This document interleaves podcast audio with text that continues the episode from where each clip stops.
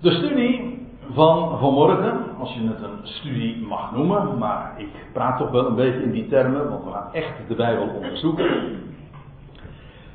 is min of meer een vervolg op de studie die ik de vorige keer heb gegeven. Ik gaf het al even eerder ook in die sfeer aan. Toen hadden we het over de Ionen in Efeze. Wat merkwaardige titel, maar als u meer erover wil weten, dan moet u nog eens nabeluisteren. Het staat op het internet. En u kunt het daar dus ook downloaden vanaf de website goedbericht.nl. Ik kan daar niet te veel aan uh, refereren. Ik zie dat er nogal wat mensen zijn die hier uh, voor het eerst zijn, of in elk geval de vorige keer er niet bij waren. En dan is het te, een beetje lastig om, om iedere keer daarnaar te verwijzen. Maar het is misschien toch wel even handig, een mooi woord in dit verband, hè, handig om de, om de essentie van die studie even kort samen te vatten dan hoef ik daar in het vervolg niet meer naar te verwijzen.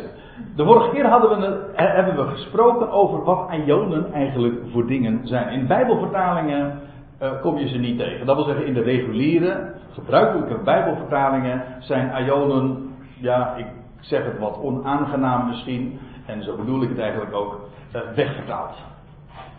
Want ja, men heeft dat uh, weergegeven in hoofdzaak met twee andere begrippen, namelijk met eeuw, in de zin dan van een wereldtijdperk, en men heeft het weergegeven met eeuwigheid. En de vorige keer heb ik, uh, mijn inziens, uh, duidelijk, maar dat is uiteraard aan u om dat te beoordelen, laten zien dat die beide begrippen zo ver tegenover uit elkaar liggen, maar ook zelfs haaks op elkaar staan. Een, een, een eeuw, dat is een beperkte tijd.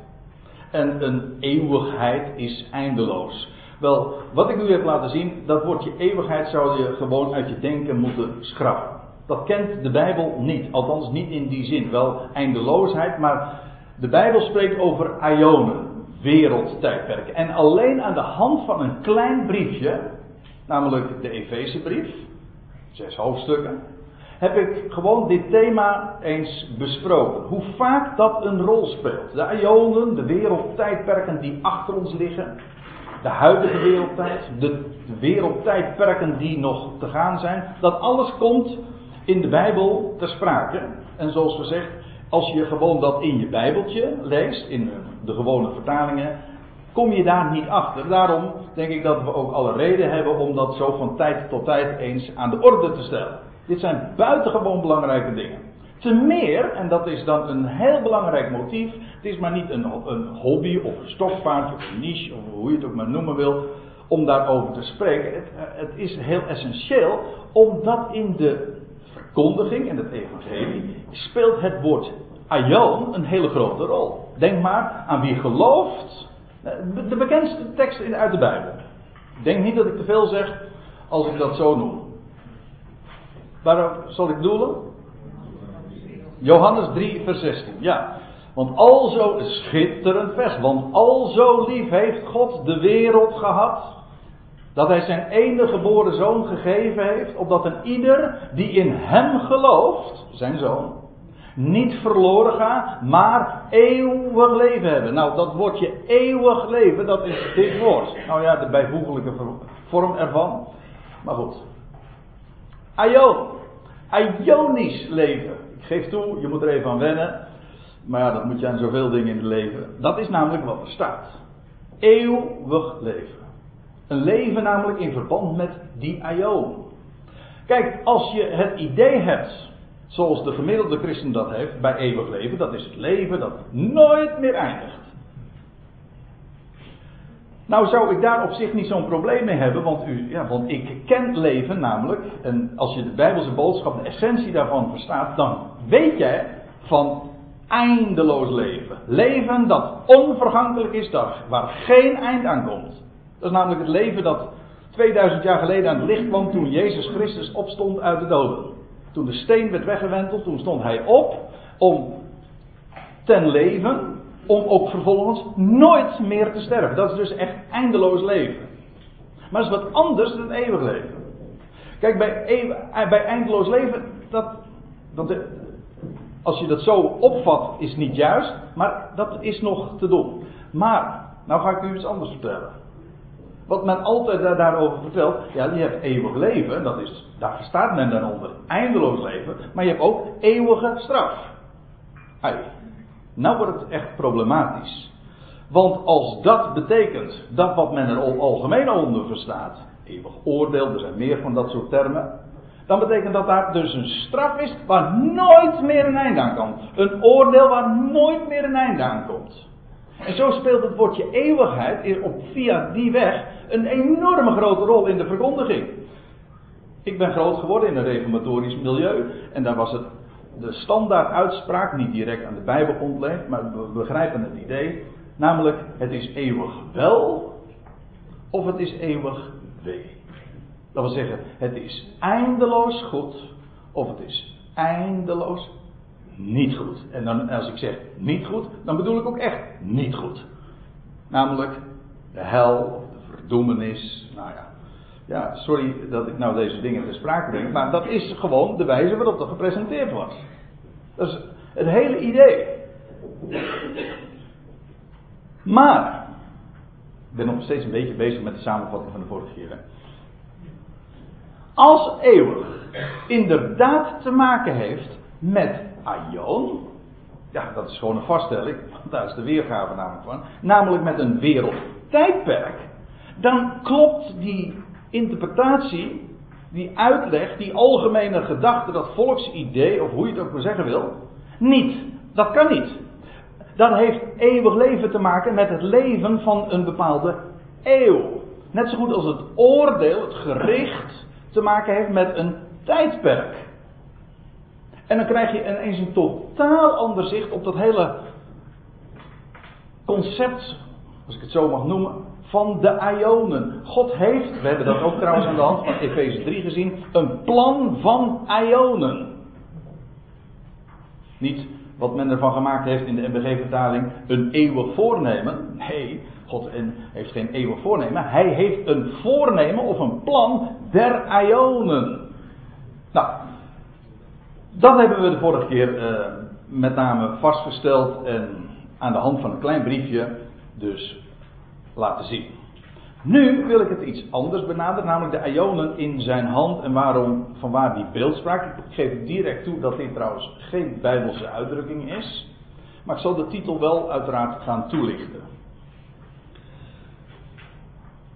De titel is trouwens wel aan een Bijbelvers ontleend, maar dat is een wat vrije weergave. En laat ik daar eens even op, uh, op ingaan en naar verwijzen. Psalm 31, dat is een bekend vers. Tenminste voor heel wat gelovigen en ik vind dat ook volkomen terecht. Een schitterend woord. Daar zegt David in vers 14 van die psalm, maar ik vertrouw op u, Heere, staat er dan in de vertalingen, of letterlijk dus, Jaweh, de godsnaam. Ik ben die ik ben. Ik vertrouw op u, Jaweh. Ik zeg, gij zijt of u bent mijn God. En dan vervolgt hij met, mijn tijden zijn in uw hand. Als je daar even over nadenkt, ja, dat is, daar word je heel klein van. Namelijk dat ik zelf, ik ben een klein, net als u en wij allemaal, een heel klein schepseltje. Als je dat even ruimtelijk bekijkt, stellen wij volstrekt niets voor. Een kwestie van perspectief. Hè? Als, je met, eh, als je met je neus op de dingen zit, dan lijken dingen groot, maar neem een beetje afstand. En dan zijn we zo volstrekt nietig. Dat is een bijbels gegeven. Denk aan het woord van Jezaja. Ik heb het van de week nog voorgelezen ergens. Jezaja 40.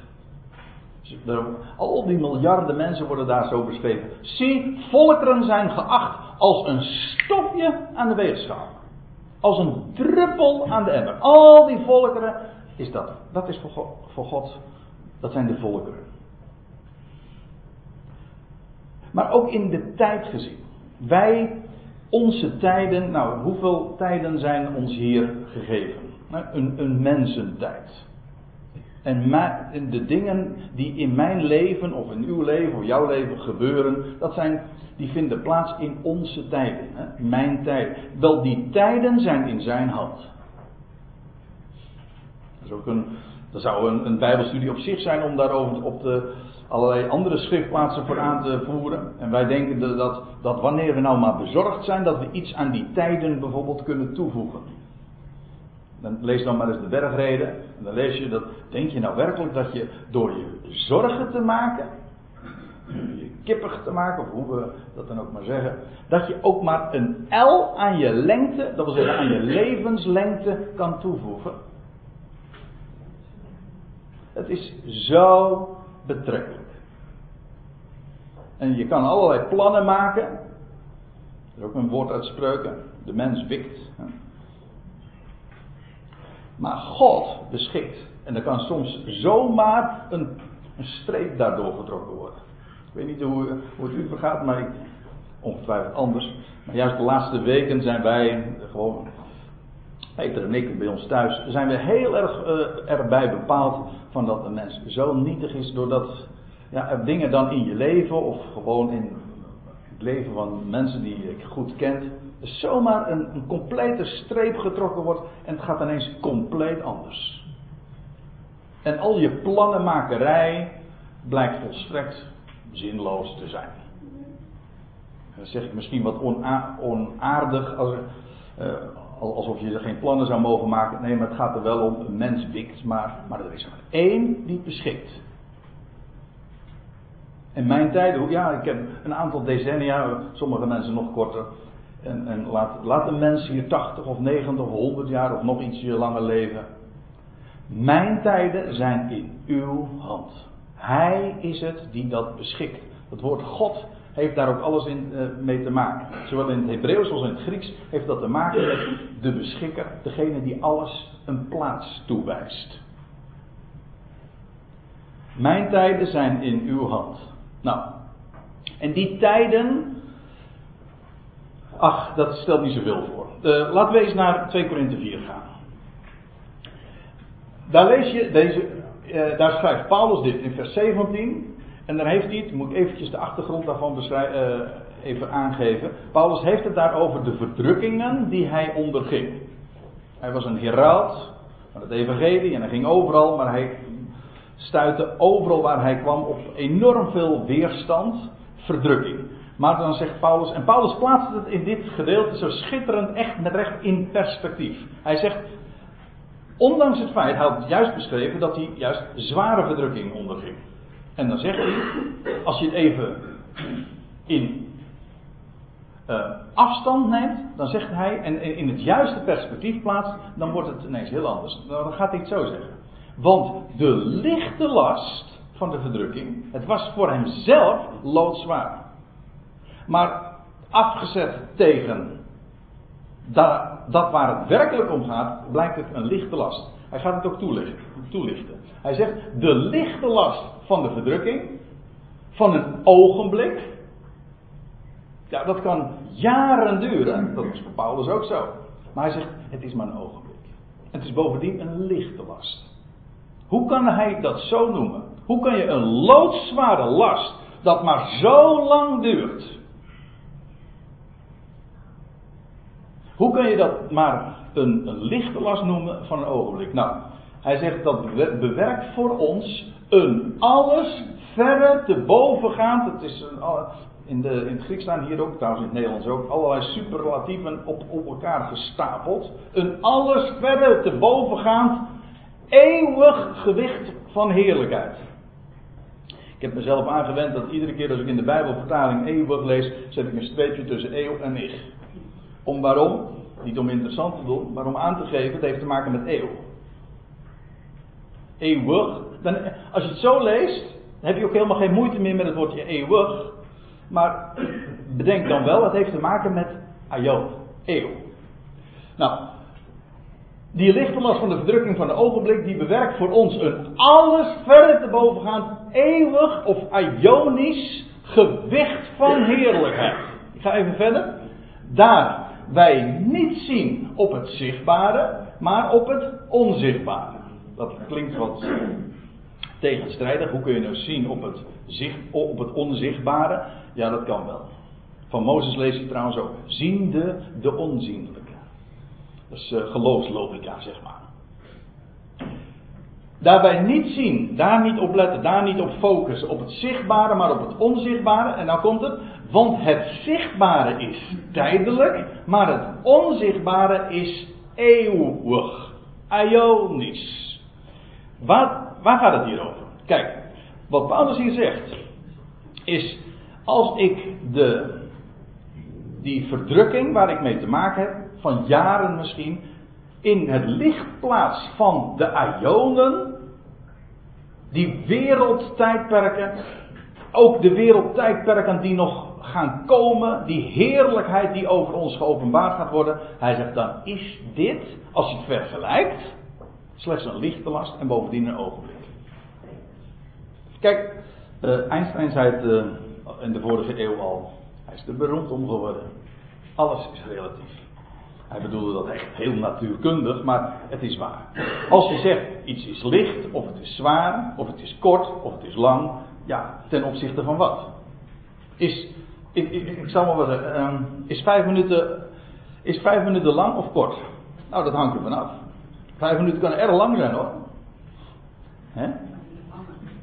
Ja, dat hangt er vanaf, ja, als je ze hangt, ja zeker. dat bedoel je toch? ja, als je dan kan vijf minuten heel lang zijn. Of in de, in de tand, tand, kan vijf minuten erg lang duren. Eh, maar op vakantie is zelfs uh, twee weken erg kort. Hm? Nou ja, ik bedoel maar. Het, dus, uh, dat, dat, dat, zou je natuurlijk met vele voorbeelden kunnen vermenigvuldigen. Het idee is dit. Als je zegt over, spreekt over licht, dat, dan is dat iets ten opzichte van iets anders. Of het is kort ten opzichte van iets anders. Wel, dit leven hier, die decennia die we hier kennen, is slechts een ogenblik. Hier staat, trouwens, ik heb het woordje tijdelijk even onderstreept. Daar staat, waarom ik dat er eh, even bij haal, dat zal uh, wordt vanzelf straks ook duidelijk. Daar staat in het Grieks het woordje pros kairos. Dat is eigenlijk één woord. En pros, dat is een voorzetsel, betekent voor. En betekent uh, kairos, dat is gelegenheid. Voor, voor de gelegenheid.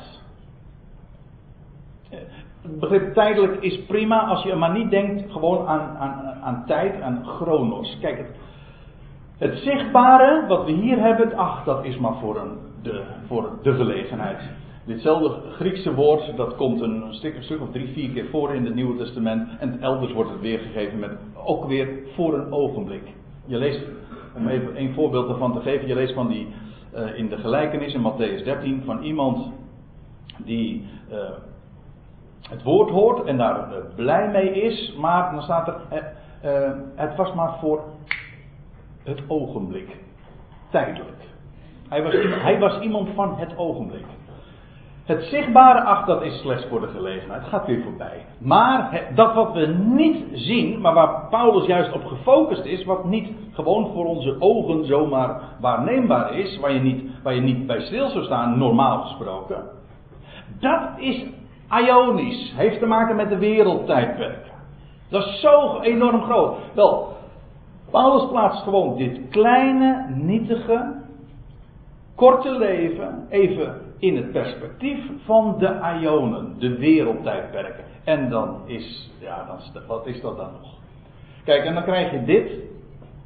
Ten opzichte van uh, die tijden die wij hier kennen, ten opzichte van de Ionische tijden, de tijden van de Ionen, ach, het is slechts een zandkorreltje aan een strand. Meer niet.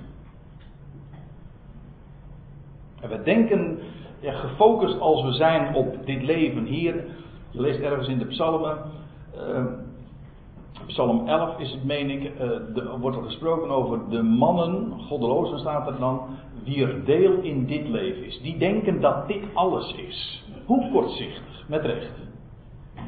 Als je eenmaal zicht krijgt op die Ionen, op de God van de Ionen, dan ga je de dingen met recht relativeren. Dat wil zeggen in relatie brengen tot de dingen waar het echt om gaat. En wordt het zo betrekkelijk. Kun je trouwens ook zoveel, want het is niet abstract hoor. Het is heel praktisch, want het gaat er namelijk ook om dat je daarmee de verdrukking, de moeite van dit leven ook kan relativeren. Nou, dat lijkt me erg praktisch. Dus als je dat kunt, als je, dat, als je het zicht hebt, het besef dat wat dit, dit korte leven is in het licht van de Aion. Nou, Paulus doet dat. En dan heb ik een, een uitdrukking gebruikt, uh, de Ionische tijden. En daar wil ik nu wat op in gaan zoomen vanmorgen. Want die uitdrukking, Ionische tijden, die komen we in de schrift, in het Nieuwe Testament, drie keer tegen. Je ziet hier de schriftplaats, Romeinen 16, 2 Timotheus 1 en Titus 1. Als je de Statenvertaling hebt, dan zie je, dan wordt dat weergegeven met de tijden der eeuwen, of zo u wilt, de tijden van de Aion. Het komt in de praktijk op hetzelfde neer. Ionische tijden. Maar daar moet je toch eens bij stilstaan. Wat men altijd vertelt. Gewoon wat algemeen gangbaar is onder christenen. Is dat men dat verschil maakt tussen tijd en eeuwigheid. Toch? Tijd en eeuwigheid. Maar op het moment dat je de schrift open gaat doen, dan valt die tegenstelling weg. De Bijbel kent geen, geen tegenstelling tussen tijd en eeuwigheid. De Bijbel spreekt juist over Ionische tijden. Kijk, dit is. We kennen dat, uh, dat woord wel. Uh, het, het, woord tijd, in, uh, ons woord tijd of tijden, dat heeft te maken met het Griekse woordje chronos. We kennen hem allemaal, chronologie. Of iets, iets is chronisch, langdurig bedoelen we daarmee. En dan heb je ook het woordje eeuwen, nou dat is dus aion. Men zegt altijd van ja, er is een, de Bijbel maakt een verschil of zelfs een tegenstelling tussen tijd en eeuwigheid. Ik zeg, het is juist, het tegendeel is waar. De Bijbel spreekt over ionische tijden, of zo u wilt, tijden van de ionen. Dat is buitengewoon belangrijk om dat te zien. Dus de, Bijbel spreekt over ionische tijden, meervoud dus. En ik zei, dat zijn drie verschillende schriftplaatsen. En ik wil er één even uitlichten. De tijd ontbreekt me om die andere schriftplaatsen ook te noemen. Maar we gaan even naar 2 Timotheus 1. En ik wil u straks ook een kort overzicht geven van die Ionische tijden. Zodat we een soort van uh, helikopterview krijgen over de over die tijdperken. We gaan eens eventjes, we nemen even afstand van onze, over onze miserige tijden die wij, hè, ten opzichte van. De, dat, dat, dat kleine, onogelijke van ons eigen mensenleven. We gaan het allemaal eens eventjes enorm uitvergroten. Ik heb uh, vorige week nog een, een, prachtige film zitten kijken. Dat ging over, over ja, wat de aarde is. Eh, in, in het grote heelal, in die enorme uitgestrekte ruimte. En dan, uh, dat werd, op een prachtige manier werd dat gepresenteerd. U kent dat wellicht. Dan wordt dat uh, in, iedere keer uitgezoomd. je, je, je, maar, je ziet bijvoorbeeld een, een, een, foto van een, grasveld. En dan ga je uitzoomen, uitzoomen. En het wordt steeds kleiner, steeds kleiner. En hoe hoger je komt, op een gegeven ogenblik zie je dat helemaal niet meer en zie je zelfs de aarde niet meer. Dat hangt er nou maar net vanaf hoe je het, meer, hoe, hoe je het uitzoomt. Nou, dat doen we nu niet ten opzichte van de ruimte, maar ten opzichte van de tijd. We verlaten eventjes onze, over ons, onze eigen tijden, die decennia die ons hier gegeven zijn, en we gaan het plaatsen eventjes in het grote perspectief van de wereldtijden. Ionische tijden. Nou, 2 Timotheus 1. Dat is een schitterend woord. Daar schrijft Paulus dit: God die ons redt en roept met een heilige roeping. Staat in een aoristvorm, gewoon een feit wordt gesteld. Hij, God redt, God roept ook met een heilige, dat wil zeggen een speciale, afgezonderde roeping. En er staat erbij, niet naar onze werken. Het is geen kwestie van verdiensten. maar naar zijn eigen voornemen. God heeft een plan. En staat erbij, en de genade die ons in Christus Jezus gegeven is voor Ionische tijden. En hier, als u de Statenvertaling leest, dan staat hier de tijden der Ionen. Of de tijden der eeuwen, pardon. Voor, dat is, dat is boeiend. Dat betekent dus dat de Ionen, die Ionische tijden, een aanvang hebben. En voordat die wereldtijden een begon, begin hadden, had God een plan. De vorige keer hebben we dat ook wel even aangestipt. Met, met, met dat begrip. De, het plan of het voornemen der Ionen. God heeft een voornemen en dat staat volkomen los van onze werken. Op de weg hier naartoe hadden we in de auto nog even een gesprek over uh, hoe oneerlijk het leven kan zijn. Toen ging het even ook over het leed dat de een te verstouwen krijgt ten opzichte van het leed dat een ander te dragen krijgt. Waar je trouwens erg mee uit moet kijken, want uh, echt zicht heeft een ander daar nooit op. Maar dat even terzijde. Het gaat er even om. Het is geen kwestie van verdienst. Waarom krijgt de een dit nou allemaal op zijn bordje en de ander, uh, daar gaat, die krijgt weer een heel andere levensweg? Hebben we, hebben we ook maar iets te zeggen over waar we geboren worden, wanneer we geboren worden, hoe we geboren worden? Ik bedoel, in welke context, met wat voor kwaliteiten of talenten. Al die dingen. De, alle dingen die er wezenlijk toe doen, daar is de mens volstrekt een toeschouwer. Je staat erbij en je kijkt ernaar. En je hebt er geen aandeel in. In het Engels zeggen ze dan: The best things in life are free. Maar niet alleen de best things, maar ook alle, alle belangrijke dingen. Die, zijn, die krijg je, ja, of je krijgt ze niet. En ja, wie zijn wij? Wie zijn wij dan om God daar uh, in tegen te spreken? Nou, als we de Bijbel openen, dan, uh, dan vinden we dat, dan treffen we daar een God die een plan heeft die, en die niet opereert of werkt naar, naar onze werken, onze verdiensten. Sterker nog, hij had dat plan al klaar voordat die Ionische tijden een aanvang hadden. Wauw. Moet je even aan denken. Moet je eens even goed bij stilstaan. God die een, een plan heeft, een voornemen. Er staat hier zelfs de alle zegeningen die ons in Christus Jezus, Hij die opgestaan is uit de doden, die ons ten deel gevallen zijn. Als je gelovige mag zijn, nou dan komt dat omdat Hij jou geroepen heeft. Ja, dat is geen verdienste. Nee, dat was voor Ionische tijden, stond dat al vast. Niet naar onze eigen, niet naar onze werken. Dat is een geschenk, mensen. Ik weet dat in, in grote delen van de christenheid, eh, met name als je evangelisch bent, is ik heb voor Jezus gekozen.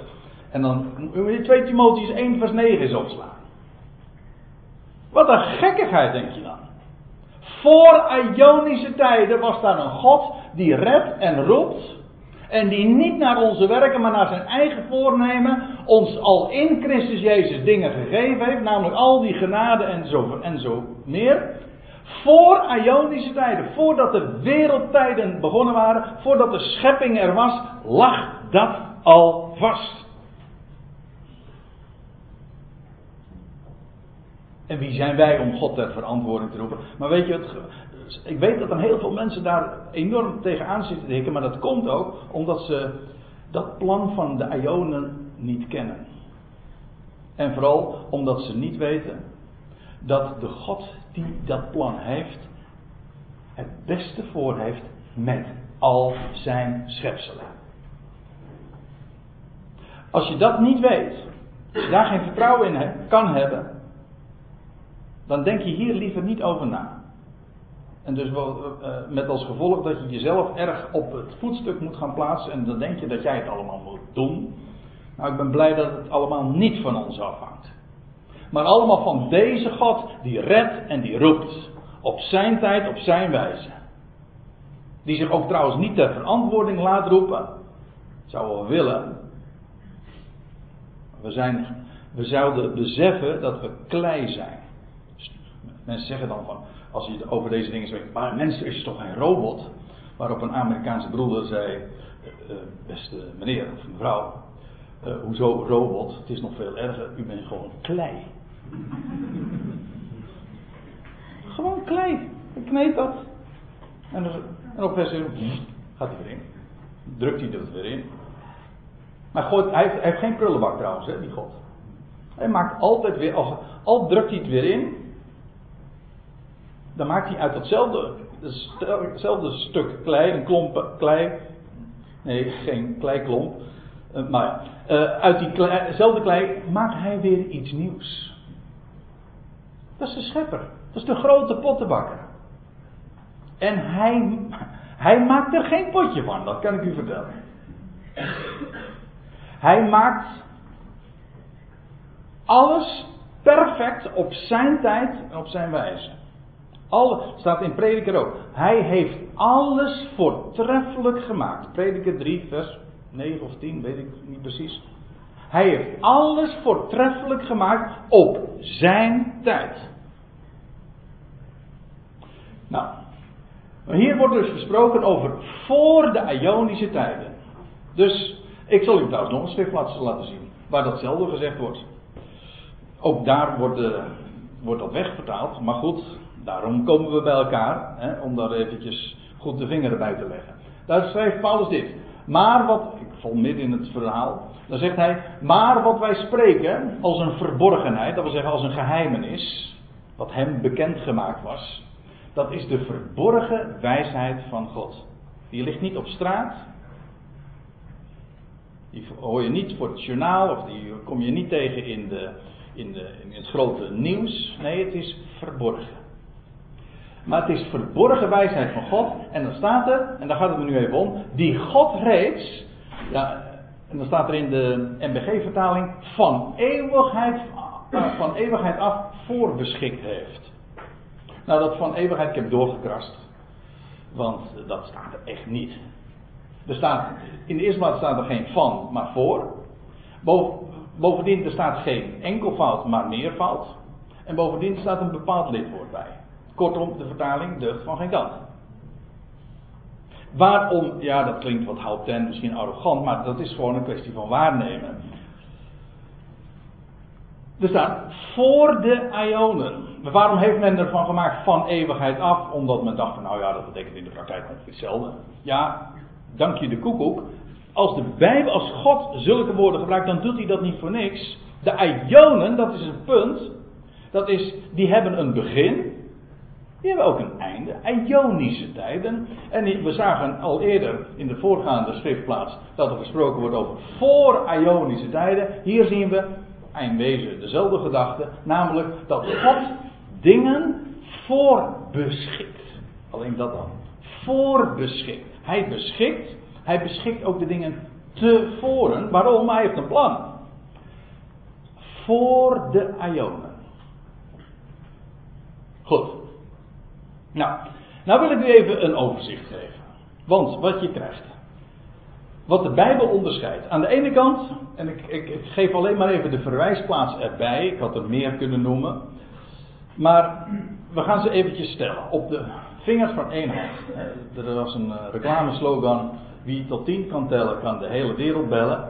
Maar wij houden het vandaag nog simpeler. Namelijk, we houden, aan één hand heb je genoeg. We gaan gewoon eens even tellen. Gewoon dat wat de schrift onderscheidt. De, Bijbel spreekt over de ionen die geweest zijn. Dat is een letterlijk citaat. Ook dat komt in de vertaling niet uit de verf. Olamim. En staat in het Hebreeuws. Prediker 1 vers 10. De ionen die geweest zijn. Let op de ionen meervoud. Dus uh, heb je er twee al. We gaan even tellen. Je hebt, je hebt in ieder geval minimaal. Laat ik het zo zeggen. Dus dat is wat de schrift onderscheidt. Ionen die geweest zijn. Twee. Dan heb je vervolgens, wordt er gesproken, hebben we nog een ion. De ion van deze wereld. Deze ion. Ik kom er straks nog even op terug, maar ik ben nu eventjes zo even in het algemeen even aan, aan het tellen. Dus in ieder geval heb je al drie ionen. En dan heb je vervolgens, de schrift, de schrift ook over, De komende ionen, ik zie dat ik hier een fout gemaakt heb, hier moet vers 7 staan trouwens.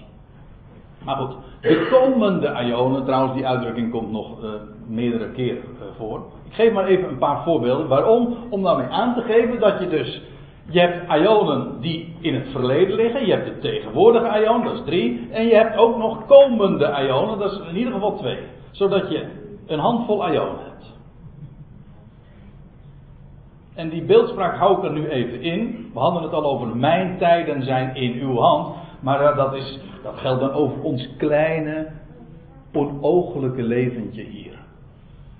Waarvan we dan zeggen dat duurt dan zo lang, 80 of 90 of 100 jaar. Ach, het stelt niets voor. In het licht van dit. De Ionische tijden. Nou, maar ook van die Ionische tijden, daar heeft, daarvan zegt de schrift expliciet dat God daar een plan voor heeft. Een, en hij werkt dat plan uit in Ionen, in wereldtijdperken. Ik spreek expres ook over wereldtijdperken, want de, vorige keer heb ik dat nog even toegelicht. De Bijbel spreekt ook over de Ion van deze wereld. Het is dus een tijdperk dat te maken heeft met een wereld.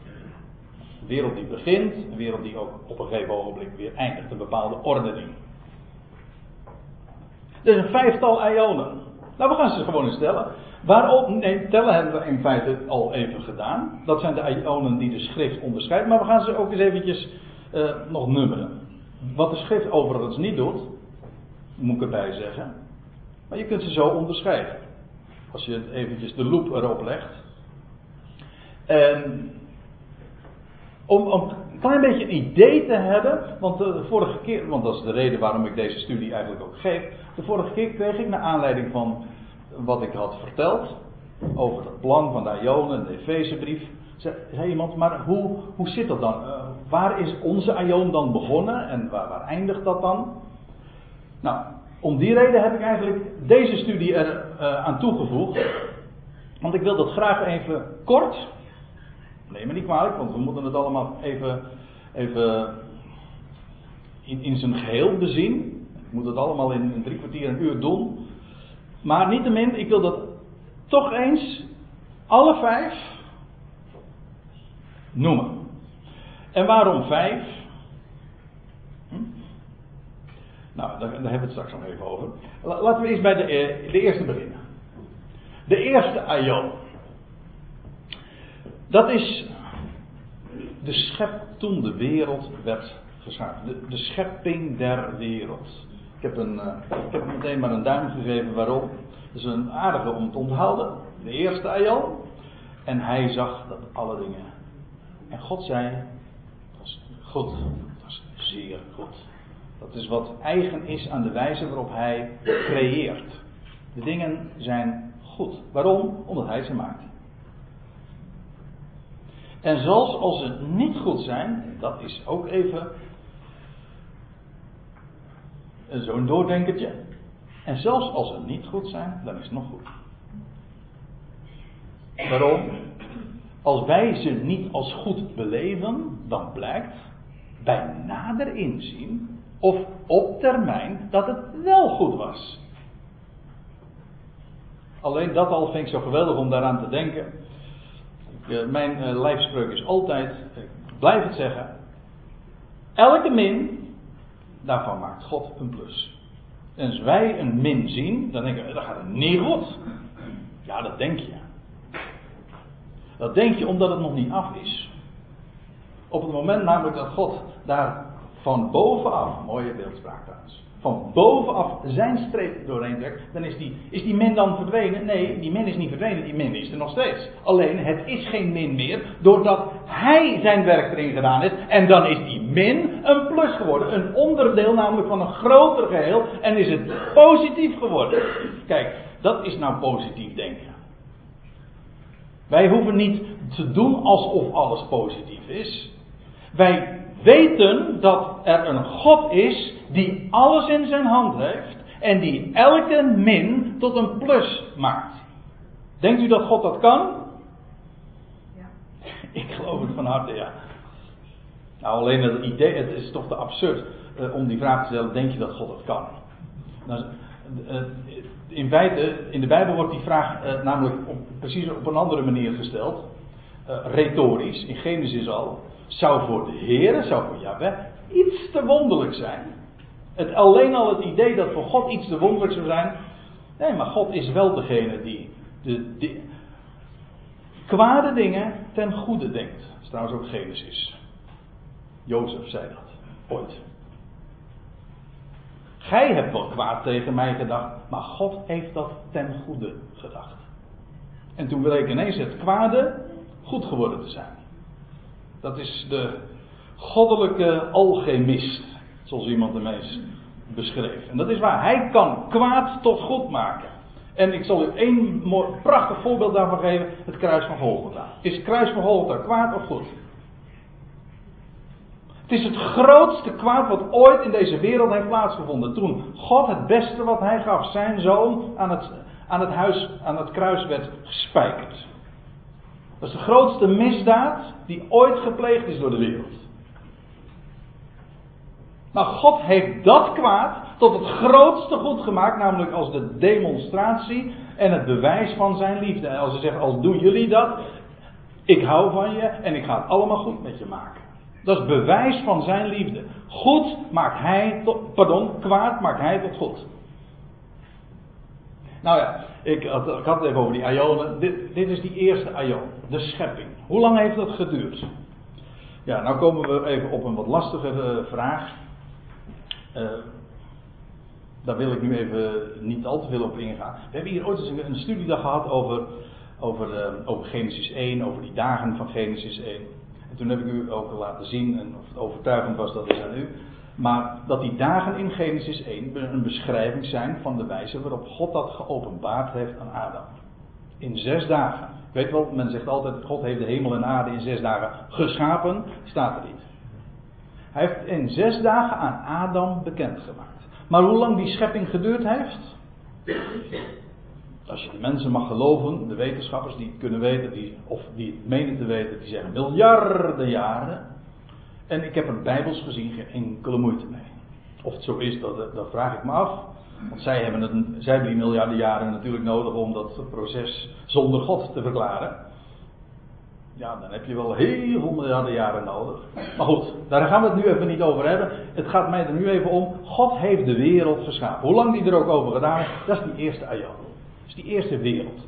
Die eindigde. Nou ga ik iets controversieel zeggen, misschien. Ook voor uh, mensen hier uh, in, de, in de zaal, waar ik die wel vaker ook studies hier ter plaatse volgen. Maar ik hoop dat deze wereld, ik ga het nu verder niet toelichten. Maar die doet namelijk ook voor het verhaal niet al te veel ter zake. Die, het is van schepping tot Adam. Toen de aarde onder de vloek kwam. Ik geloof dat dat de nederwerping der wereld is. De aarde werd vervloekt. Toen. Dat was het einde van die wereld. Toen werd dit dus dit. De aarde werd om Adams wil vervloekt. Ik geloof dat dat dus de, inderdaad die eerste aion is. Als u dit punt iets eerder plaatst, namelijk bij Genesis 1 vers 2, dat zeg ik even voor de, de kenners, prima. Gaat het maar even niet om het gaat erom dat die eerste. God schiep de wereld. Dat, toen kreeg dat eerste tijdperk zijn aanvang. En dan vervolgens. Ja, wat krijg je na de eerste aion? Dan krijg je de tweede aion. Want we zagen al, er zijn aionen aan deze aion vooraf gegaan. Dat is de wereld zoals wij die kennen vanaf Adam. In 2 Petrus 1, vers 4, trouwens de vorige keer heb ik nog even aan dat vers ook gerefereerd. Daar wordt gesproken over de toenmalige wereld. En dat blijkt in de context, gaat het daar over de wereld in Noach's dagen. De toenmalige wereld is vergaan. Namelijk door water. Dus die eerste aion die eindigde bij toen deze aarde, dit systeem, dat systeem of die ordening, uh, wanorde werd. Maar toen kwam er weer een nieuwe ordening. En dat is de toenmalige wereld. Dat is de wereld van Adam tot Noach. Die ongeveer 1656 jaar geduurd heeft. Om het even op ja nauwkeurig te zeggen. Ja, als je. Het Grieks woord voor wereld gebruikt in de uh, Kosmos. Ja. ja. Daar wordt, uh, net als trouwens, uh, als hier gesproken wordt over de aion van deze wereld, dan, dan, is, dan is dat uiteraard de eeuw van deze kosmos. Zodat een, een als het ware synchroon loopt met een kosmos, met een wereldordening, of hoe dat ook maar genoemd mag worden. Hier wordt gesproken dus over de toenmalige wereld. Dat is dus niet de aion van deze wereld, de aion van die wereld die toen was. Wel, die wereld is toen ook beëindigd. Namelijk in de grote vloed. Dat is de toenmalige wereld. Dan gaan we naar de derde aion. Dat is de, de bekendste. Dat wil zeggen voor ons. Ook uh, de aion die al een hele tijd loopt. Die wordt genoemd, nou we hadden het al over dit woord, maar hij wordt ook genoemd in Galaten 1 vers 4. En er zijn vele namen van deze aion. De God van deze, eh, pardon, de tegenwoordige boze aion. Ja, trouwens, ik wil nog even eh, één ding erbij zeggen. Ik had het net over die eerste aion. Ik had het over de tweede aion. Dat is trouwens de tweede vinger, dat is ook makkelijk onthouden. In die aion, toen vanaf Adam, heeft God, is God meteen al gaan wijzen op hem, wijzen, tweede vinger. Op hem die zou komen. De wereld, Adam had nog niet gegeten van de verboden vrucht. Of meteen heeft God die belofte gegeven van hem, het zaad der vrouw, dat zou komen en de kop van de slang zou vermorselen. Hij wees meteen in die aion naar hem die zou komen. En dan krijg je de derde aion. Ik had een beetje moeite om die te beschrijven, want om dat uh, toch discreet te doen, hm? met de derde vinger. Want dan krijg je allemaal van die rare beelden. Maar ik bedoel dit. Dit is de middelste aion. En die wereld, we zagen, die tweede aion die eindigde dus in de dagen van Noach. Maar deze aion die loopt dus al, nou pakweg 4.500 jaar. Minimaal. Sommige mensen zeggen nog aanzienlijk langer. Maakt me even voor het verhaal niks uit. Gaat er maar om. Die begon in elk geval in Noachs dagen. En die loopt door tot aan de wederkomst. Die, dat einde van deze aion, van deze tegenwoordige boze aion. Nou, waarom die boos is, hoef ik niet uit te leggen, toch hè? Deze aion is boos omdat daar de waarheid stelselmatig wordt verdraaid. Dat wil zeggen, tot leugen wordt gemaakt. De waarheid wordt in ongerechtigheid en onderhouden. Dat komt door de vader der leugen, de God van de. Hij wordt ook genoemd, die Satan, hè? de tegenstand. De God van deze aion, die alles verdraait, stelselmatig. Maar deze aion, ik heb goed nieuws, gaat eindigen. En wij leven ongeveer in de nadagen van deze aion. Kan ik rustig zo zeggen. Dat wordt genoemd op nogal wat plaatsen de voleinding der aion. In de meeste vertalingen wordt dat weergegeven met de voleinding der wereld. Maar wij, aangezien wij gewoon stelselmatig en consequent kiezen voor het woord aion, die weergave, spreken we dus over de voleinding der aion. Zo dat is de wijze waarop de schrift dat presenteert. De, de voleinding van deze aion. Als de discipelen op de olijfberg zitten. Gaan zitten en dan, en dan vragen zij Jezus een vraag. En dan, wijzen ze hem op, het, op de tempelgebouwen. En op de stad Jeruzalem. En dan zeggen ze: Vertel ons, Heer. Wat is, wanneer zal dat alles geschieden? Nou, de verwoesting van die stad. En wat is het teken van uw komst, uw parousia? En dan worden, pardon, voegen ze er toe. En, de, en wat is de voleinding van deze aion? Dat wil zeggen, dit wereldtijdperk gaat eindigen. En dat heeft te maken met zijn terugkeer, zijn parousia. Als de Messias orde op zaken gaat, zal gaan stellen. En een einde gaat maken aan deze tegenwoordige boze aion. Deze aion loopt dus al inmiddels 4.500 jaar, laten we er nog een paar decennia aan toevoegen, hooguit. Even off the record zal ik maar zeggen, want daar gaat het nu even niet om. De derde dag, hè. die derde, dat derde millennium gaat aanbreken. In ieder geval, die, deze aion loopt ten einde. En weet u wat nou zo geweldig is? Dit is de middelste aion. En in het midden van die aionen, wat vind je daar? Wat je mag verwachten. Dat is echt goddelijk design. De dood en de opstanding van zijn zoon. Dat staat centraal in dat plan van Gods aion. Nee, in Gods plan van de aion. De dood en de opstanding van Christus. Daar is, daar, met recht, daar is alles om gecentreerd. Dat staat centraal, letterlijk. Het, in het midden van de middelste aion staat het kruis van Golgotha. En hij die ten derde dagen opstond uit de doden. Dat is die derde tegenwoordige aion. Inderdaad, een boze aion.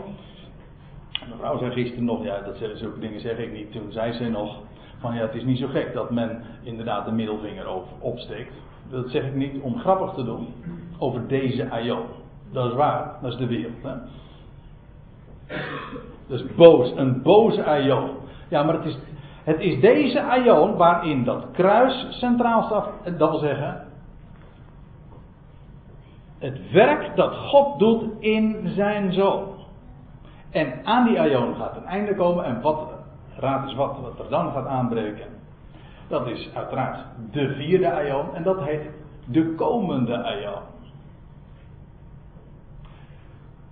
Dat is, zo wordt het ook letterlijk genoemd in openbaring 20, dat zijn de duizend jaren.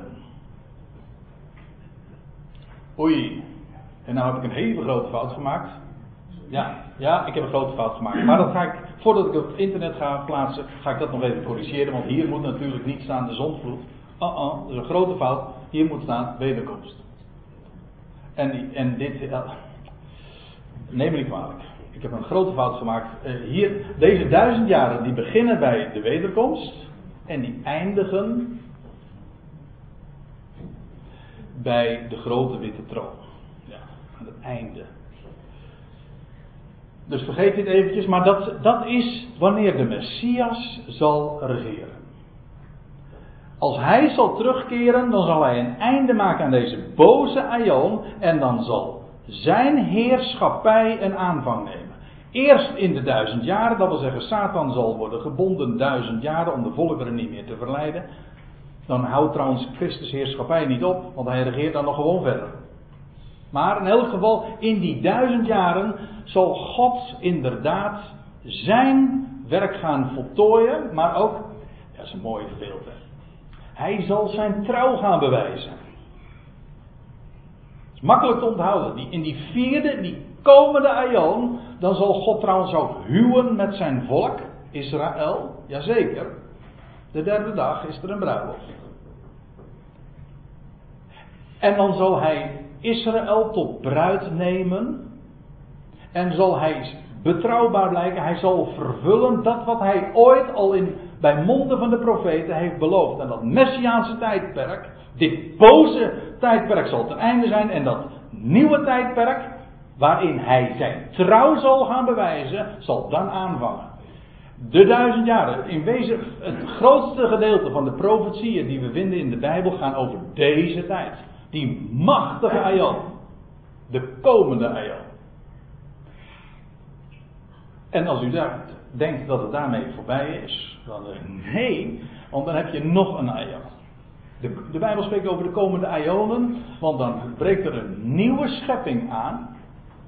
En dat wordt genoemd in Efeze 3, vers 21, de aion der aionen. Dat is de meest overtreffende aion. Zoals je hebt de koning der koningen, zo heb je ook de, de aion der aionen. Het meest overtreffende.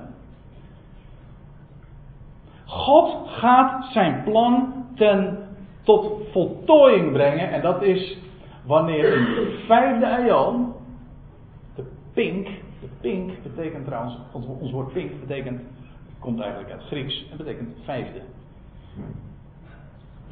Het is de vijfde. Die vijfde aion. En daarin zal God zijn genade gaan demonstreren en ook voltooien. Vijf in de Bijbel. is een kwestie van getallen of symboliek. Heeft altijd te maken met, met genade. Schitterend onderwerp. Moet je maar eens een Abraham vragen die de vijf aan zijn naam toegevoegd kreeg. Trouwens, zijn vrouw Zara ook. Abram werd Abraham.